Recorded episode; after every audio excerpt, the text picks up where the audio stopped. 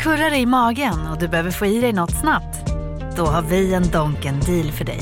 En chicken burger med McFeast-sås och krispig sallad för bara 15 spänn. Varmt välkommen till McDonalds. Makrorådet från Dagens Industri. Hej alla! Det har blivit dags för ett nytt avsnitt av Makrorådet special. Och som vana lyssnare vet innebär tillägget special att vi istället för den vanliga expertpanelen har en ekonomisk tungviktare i studion. Och den här gången är det Statistiska centralbyråns generaldirektör Joakim Stymne. Varmt välkommen till podden Joakim! Tack så väldigt mycket Viktor! Kul att få bli inbjuden. Ja, precis. Det, har ju, det finns en anledning till det. Det har ju varit lite eh, oklarheter kring inte minst arbetslöshetsstatistiken som vi ska komma till. Men jag tror att det kan vara så att du flyger lite under radarn för den breda allmänheten. Så jag tänkte försöka mig på en slags presentation och du får, du får rätta mig och fylla i uh, om det blir fel. Men du har varit chef för SCB sedan 2017. Det stämmer. Innan dess var du chef, ja det är bra rätt hittills, var du chef för, för Statens tjänstepensionsverk och du har också varit statssekreterare på både kultur och utrikesdepartementet. Men egentligen är du ekonom och var chefsekonom på Alfred Berg på 90-talet och senare även på Kaupting, den isländska banken. Ja, det stämmer väldigt bra det där. Är, det där med egentligen vet jag inte. Vad är man egentligen? Men, ja, det är sant. Men, det, men ja, en, en, gång i tiden var jag nationalekonom så jag, jag är van att använda statistik på många olika sätt. Det kan man säga. Ja, det är ju bra i, i, det, här, i det här jobbet.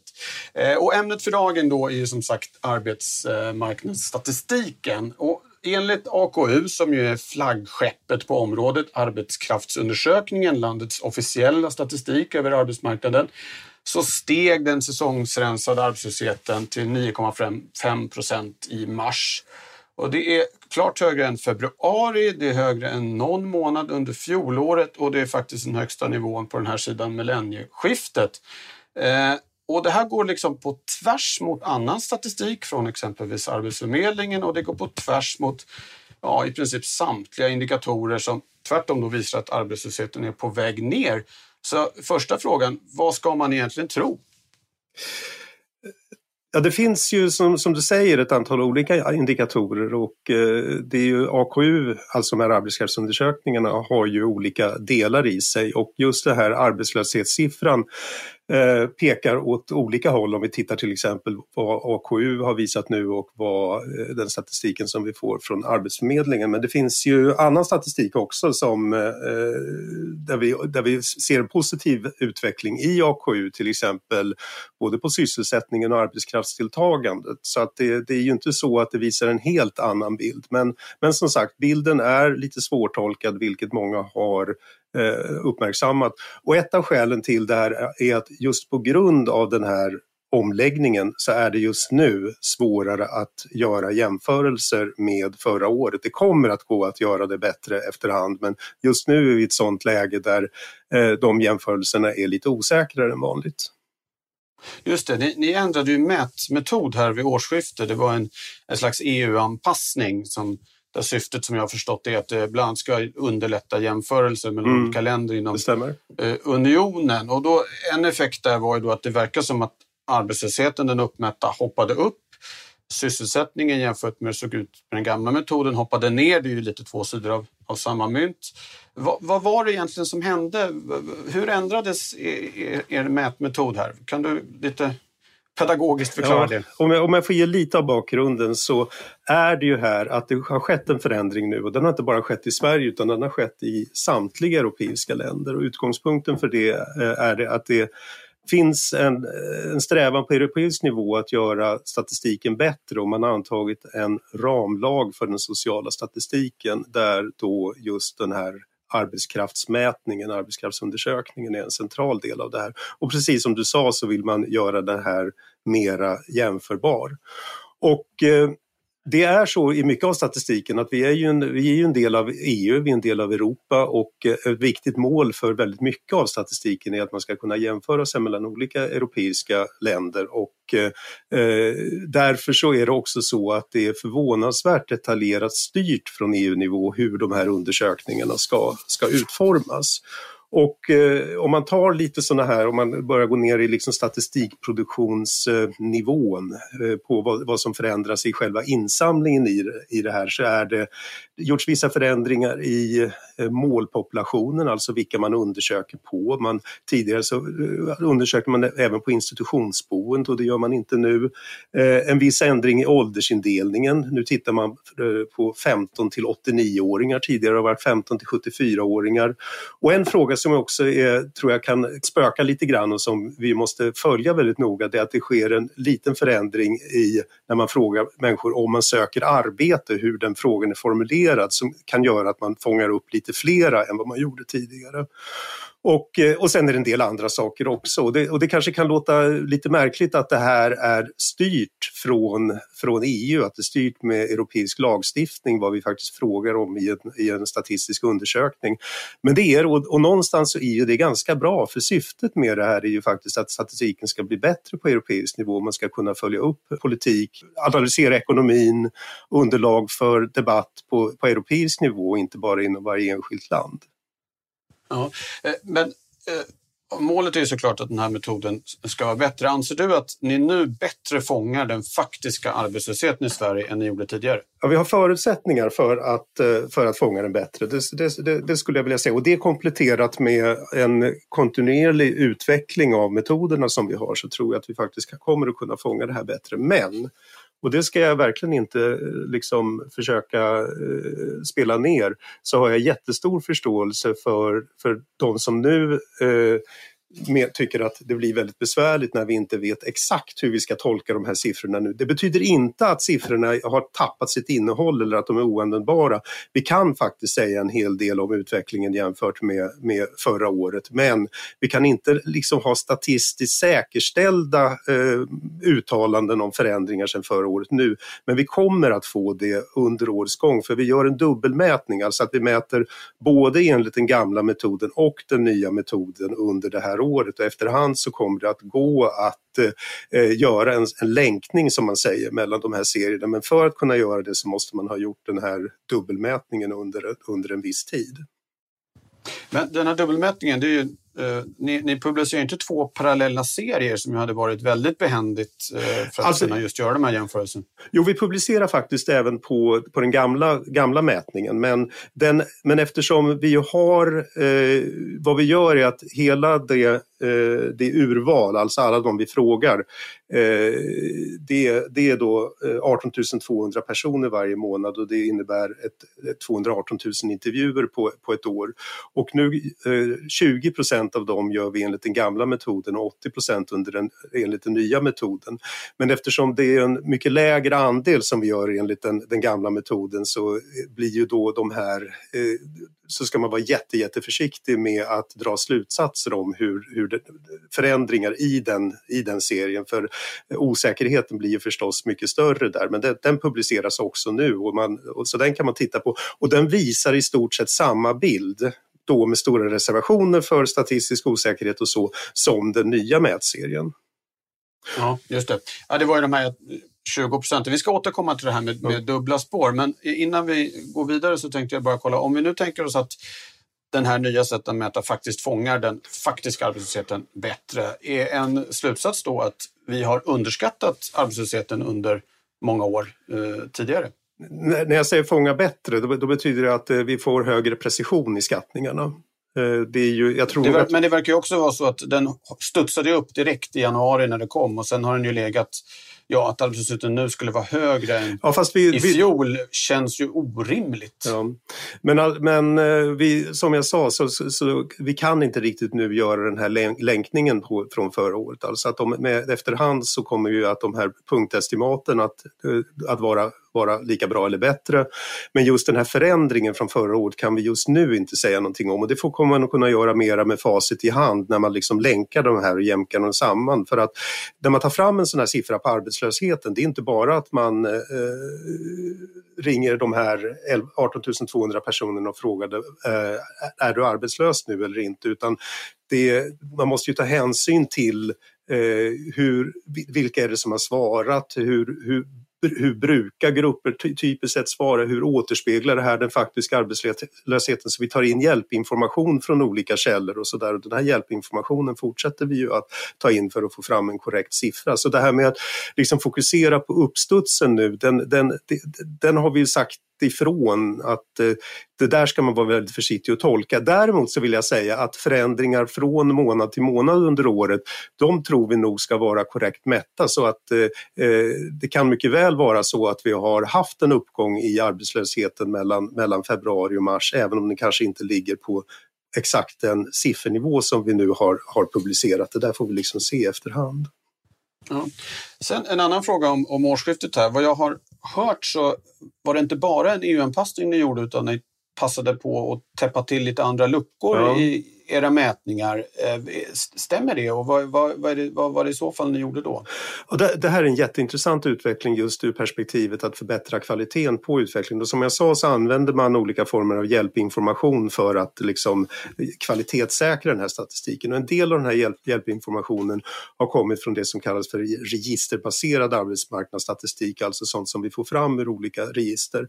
Den har, eh, vi, eh, den har funnits med väldigt stor eftersläpning. Så att där har man haft den här, liksom, den har tagit någonstans en utgångspunkt i hur folk var anställda för mellan ett och två år sedan. Medan nu finns det någonting som heter eh, arbetsgivardeklarationer på individnivå, heter de, eller AGI, som eh, en nyhet från Skatteverket som företagen måste göra varje månad. Och nu använder vi dem som den här hjälpinformationen. Och det betyder att basen för det här stödet, den här hjälpvektorn som man kallar, den ligger kanske någon månad eller två efter snarare än ett år eller två. Och det betyder ju särskilt i ett sånt här läge när det sker ganska stora förändringar på arbetsmarknaden arbetsmarknaden att den här hjälpinformationen är korrektare.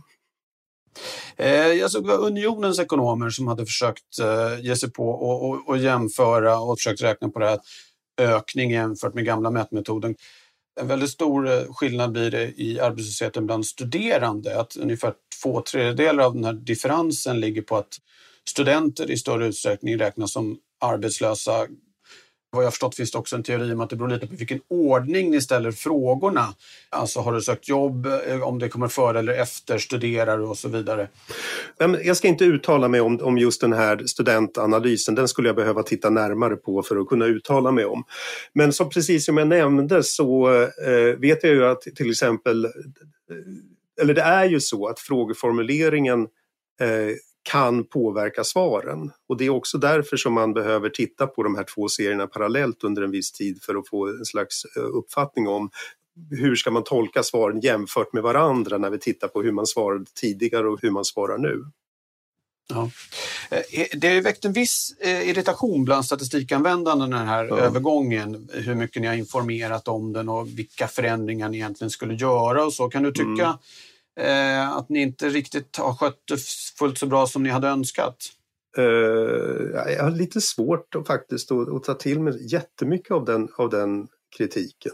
Uh, men det heter ju att alla har ju rätt till sina egna uppfattningar på något sätt. Men, att, men vi har informerat om att det har varit på gång sedan 2012.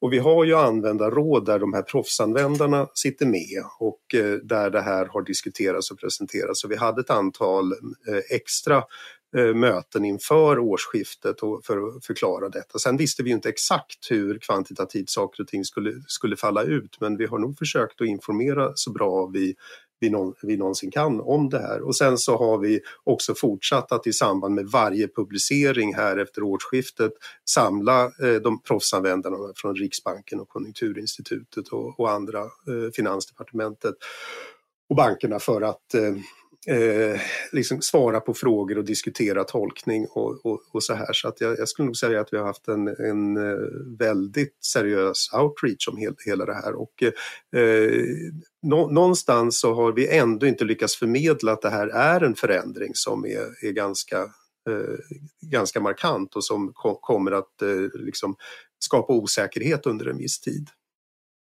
Ja, om vi återgår till de där två, två parallella spåren som vi pratade om lite tidigare. Som du sa, då, det är ju 20 procent mätning enligt den gamla. Och ja. I och med att det redan från början finns en det finns osäkerhet i all statistik, men om man då drar ner eh, liksom populationen så pass kraftigt så blir osäkerheten större.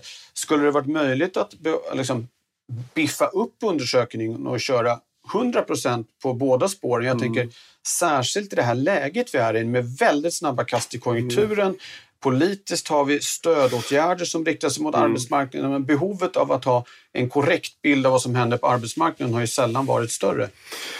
Och då är det frågan om vad, om man lägger kostnaden och andra kvalitetsproblem i ena vågskålen mot att göra den här utökningen och sen vilken vinst får man av det här i den, i den andra vågskålen. Så skulle kostnaderna för det här skulle vara väldigt stora. Alltså anta att vi hade dubblat undersökningen under, i år. Då hade, vi, då hade man fått gradvis fått fasa in under en längre tid och eh, bara de direkta kostnaderna för det här hade varit över.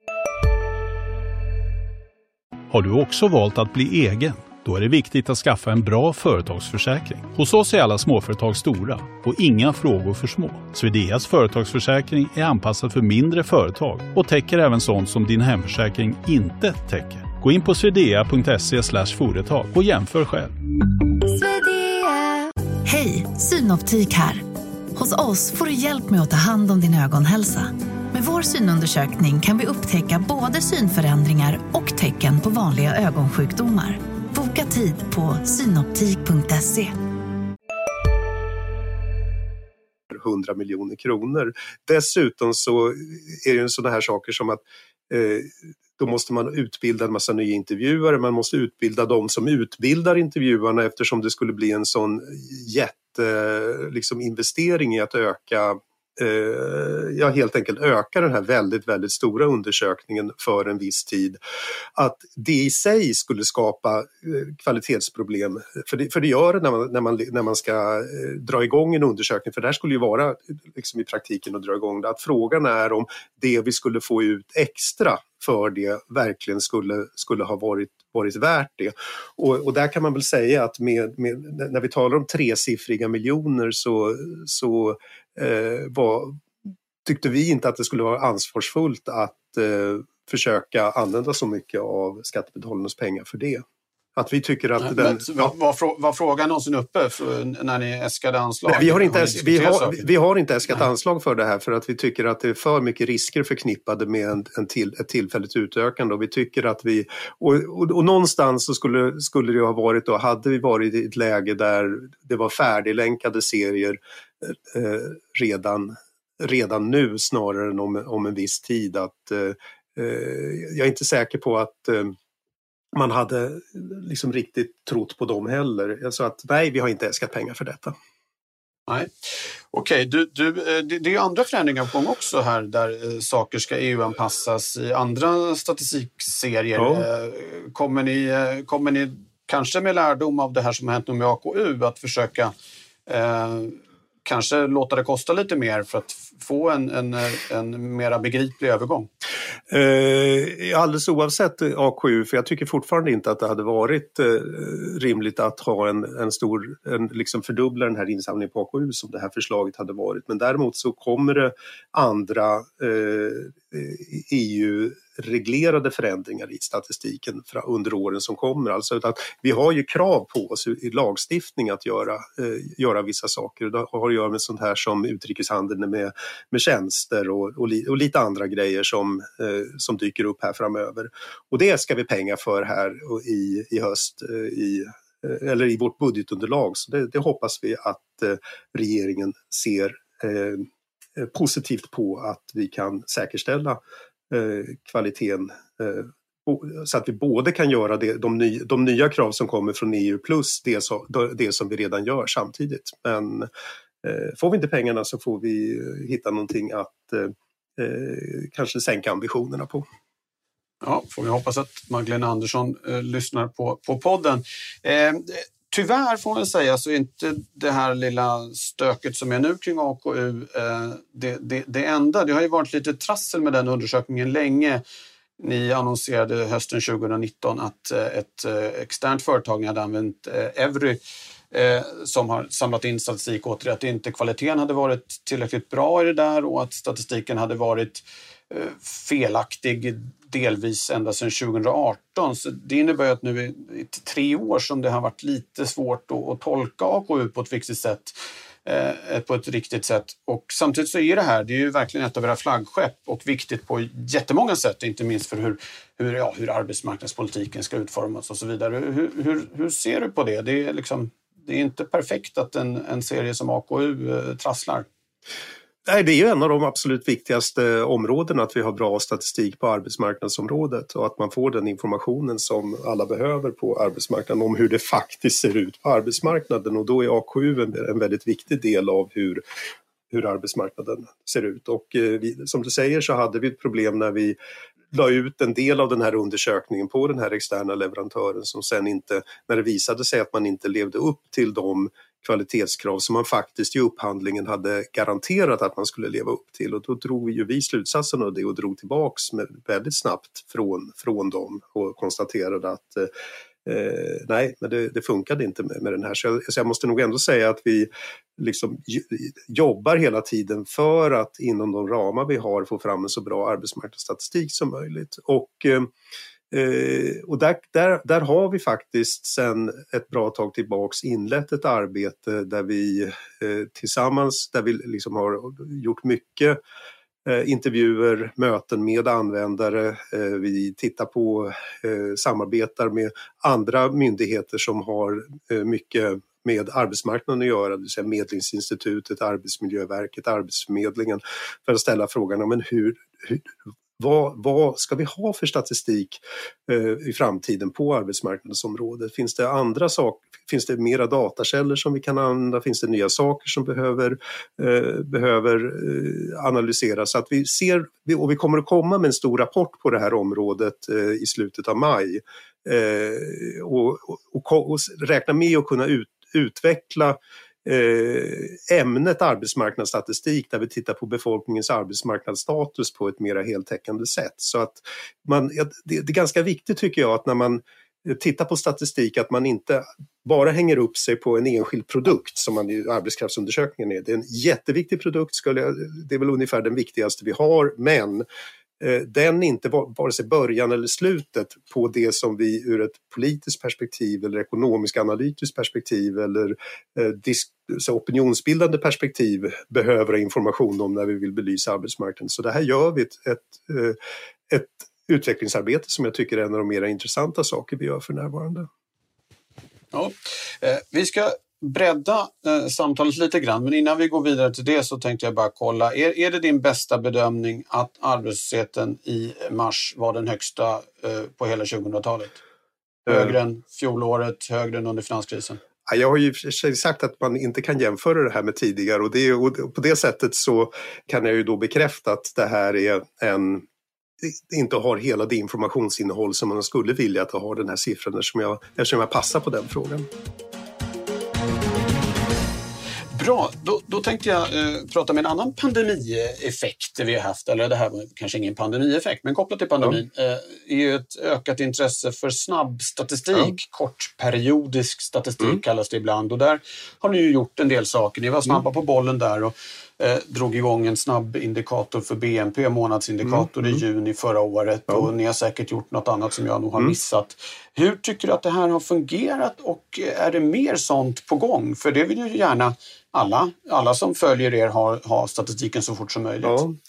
Och eh, det här, jag tycker det har varit oerhört intressant nu under det här året att eh, som organisation eh, kunna steppa upp till de här behoven och det var ju en av de första sakerna som vi, eh, vi liksom konstaterade att här blir ju den här aktualitetsfrågan, alltså att, att man får reda på saker och ting snabbt, var ju helt central. Och, eh, och det där är ju en viss, eh, vad ska man säga, Eh, utmaning faktiskt väldigt bokstavligen för, för en organisation som ju är ganska van vid att gör, göra förändringar i det man tar fram och det man publicerar väldigt noggrant. Och kanske just den här aktualiteten är inte den viktigaste kvalitetsfaktorn utan det är ju precision och sånt där. Alltså det finns ett antal olika faktorer i statistiken som, som tillsammans blir kvaliteten och aktualitet blev ju någonting som fick större vikt under, under det, det året som, som var. Eh, och, så, så vi drog igång en särskild sån här en analysgrupp i början, i början av pandemin för att försöka fånga upp behoven, analysera behoven, se vad vi kunde ta fram, prata med andra myndigheter och så vidare. Och då blev ju just det här med eh, frekvent publicering av dödstal var ju någonting vi, vi drog igång med.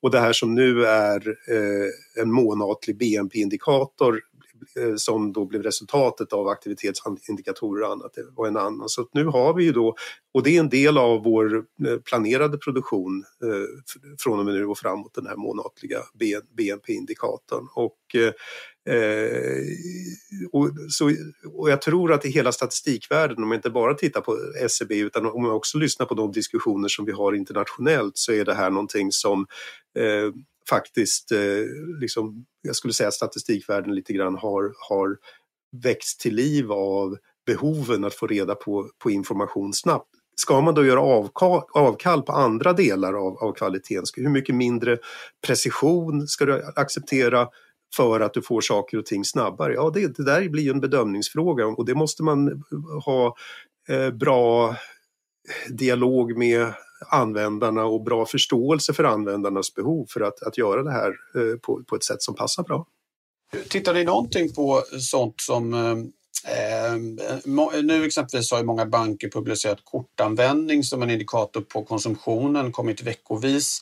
En del har tittat på mobilitetsindikatorer från mobiloperatörer. Eh, börjar ni titta på den typen av källor också snarare än det traditionella insamlingsarbetet som jag, ni, ni, har använt er av. Eh, är det, är det någonting som ligger i korten? Absolut. Och eh, hela den här frågan om, om data alltså i bemärkelsen vad man tar in och sen gör statistik av, det, det har ju verkligen seglat upp som en eh, otroligt viktig fråga. Att, eh, om man tar ett långt historiskt perspektiv, en gång i tiden så samlade ju, var ju allting man gjorde statistik på var sånt man samlade in själv, sen började man använda olika administrativa register. Nu finns eh, allt det här med det som kan gå under rubriken Big Data, de här sakerna du nämner, information som skapas, inte med syfte att göra statistik av, men som man skulle kunna göra göra statistik av.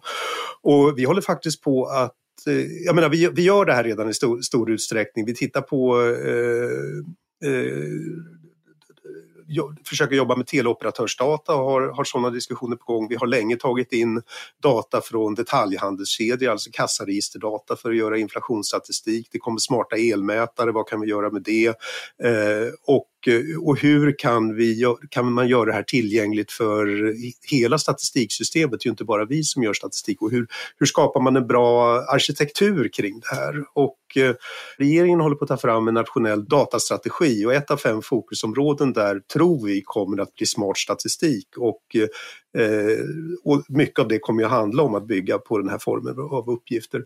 Och faktum är att vi just nu håller på att eh, organisera om oss på SCB och mycket av det, eh, det det är inriktat på att vi kommer att ha en avdelning som heter just data, som, där all den kunskapen ska samlas eh, snarare än att vara spridd lite här och där i organisationen. Att det, det, det blir ett nytt förhållningssätt till omvärlden det här.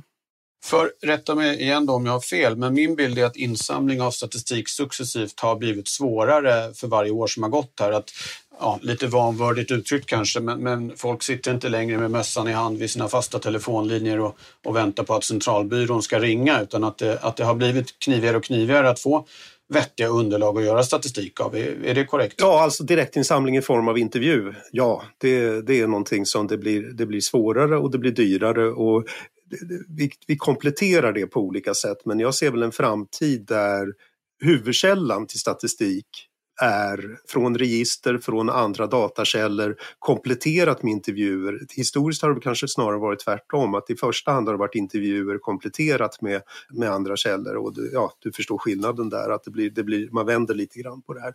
Och vi jobbar ju jättemycket för att få få ett bra underlag, de intervjuer vi gör och minska bortfallen och de som jobbar med den här insamlingen är superduktiga på att ställa frågor på ett sådant sätt så att folk svarar dem. Men bara att nå människor är svårt. Det är inte det att man Först får man ett brev från SCB, sen ringer vi och och det, och det är inte det att de säger nej, er vill vi inte prata med när vi väl snackar med dem, utan det är det att ja, folk svarar inte ens på sina telefoner och då, och då fasta telefoner är ju bort sedan länge, utan, men vi har mobiltelefonnummer till folk. Men eh, människor använder inte eh, mobiltelefoner på samma sätt nu som för några år sedan. Att, eh, att ringa en ganska liten del av mobiltelefonanvändandet och att få ett samtal från någon som man inte är bombsäker på att man vill prata med, folk bryr sig inte. Och det finns till och med på vissa telefoner eh, inställningar som man inte ens vet är inställda som, som screenar bort så att eh, det blir många som vi aldrig når. Och den dyraste insamlingen, det är ju just de personer som vi aldrig får ett svar ifrån för de har vi ju försökt eh, nå på ett antal olika sätt innan. Så visst är det svårt, vi jobbar med det. Men, och eh, vi har upprätthållit ganska stabil, faktiskt riktigt stabila svarsfrekvenser här nu under hela pandemin och en tid där innan. Och det har varit väldigt intressant. Folk har, har liksom varit hjälpsamma nu här men eh, det, tittar man på liksom drar man ut det här i framtiden så den här formen av eh, intervjuundersökningar, det, det är inte det man kan bygga statistiken på. Nej. Okej, eh, stort tack Joakim Stumne, generaldirektör för SCB e för att du var med i podden. Tack så väldigt mycket. Kul att ha dig här. Kul att vara med. Tack ska ni ha som har lyssnat också. Hej med er. Makrorådet från Dagens Industri. Podden klipps av Umami Produktion. Ansvarig utgivare Peter Fällman. I DITVs program Hållbart näringsliv fokuserar vi på företagens E, S och G. Vilka är utmaningarna och vilka är lösningarna? Hör storbolagen om omställningen, entreprenörerna om de nya möjligheterna och dessutom tipsar förvaltare om sina bästa hållbara aktiecase. Missa inte Hållbart näringsliv med mig, Nike Mekibes, varannan onsdag på DITV och på di.se. Varje vardag klockan sju uppdaterar DITVs Morgonkoll dig om natten och morgonens viktigaste nyheter. Från börsstängningen i New York till läget i den asiatiska handeln. Och strax därefter kommer podden med samma namn. Prenumerera på Morgonkoll du också så är du uppdaterad inför varje ny arbetsdag. Morgonkoll finns där andra poddar finns.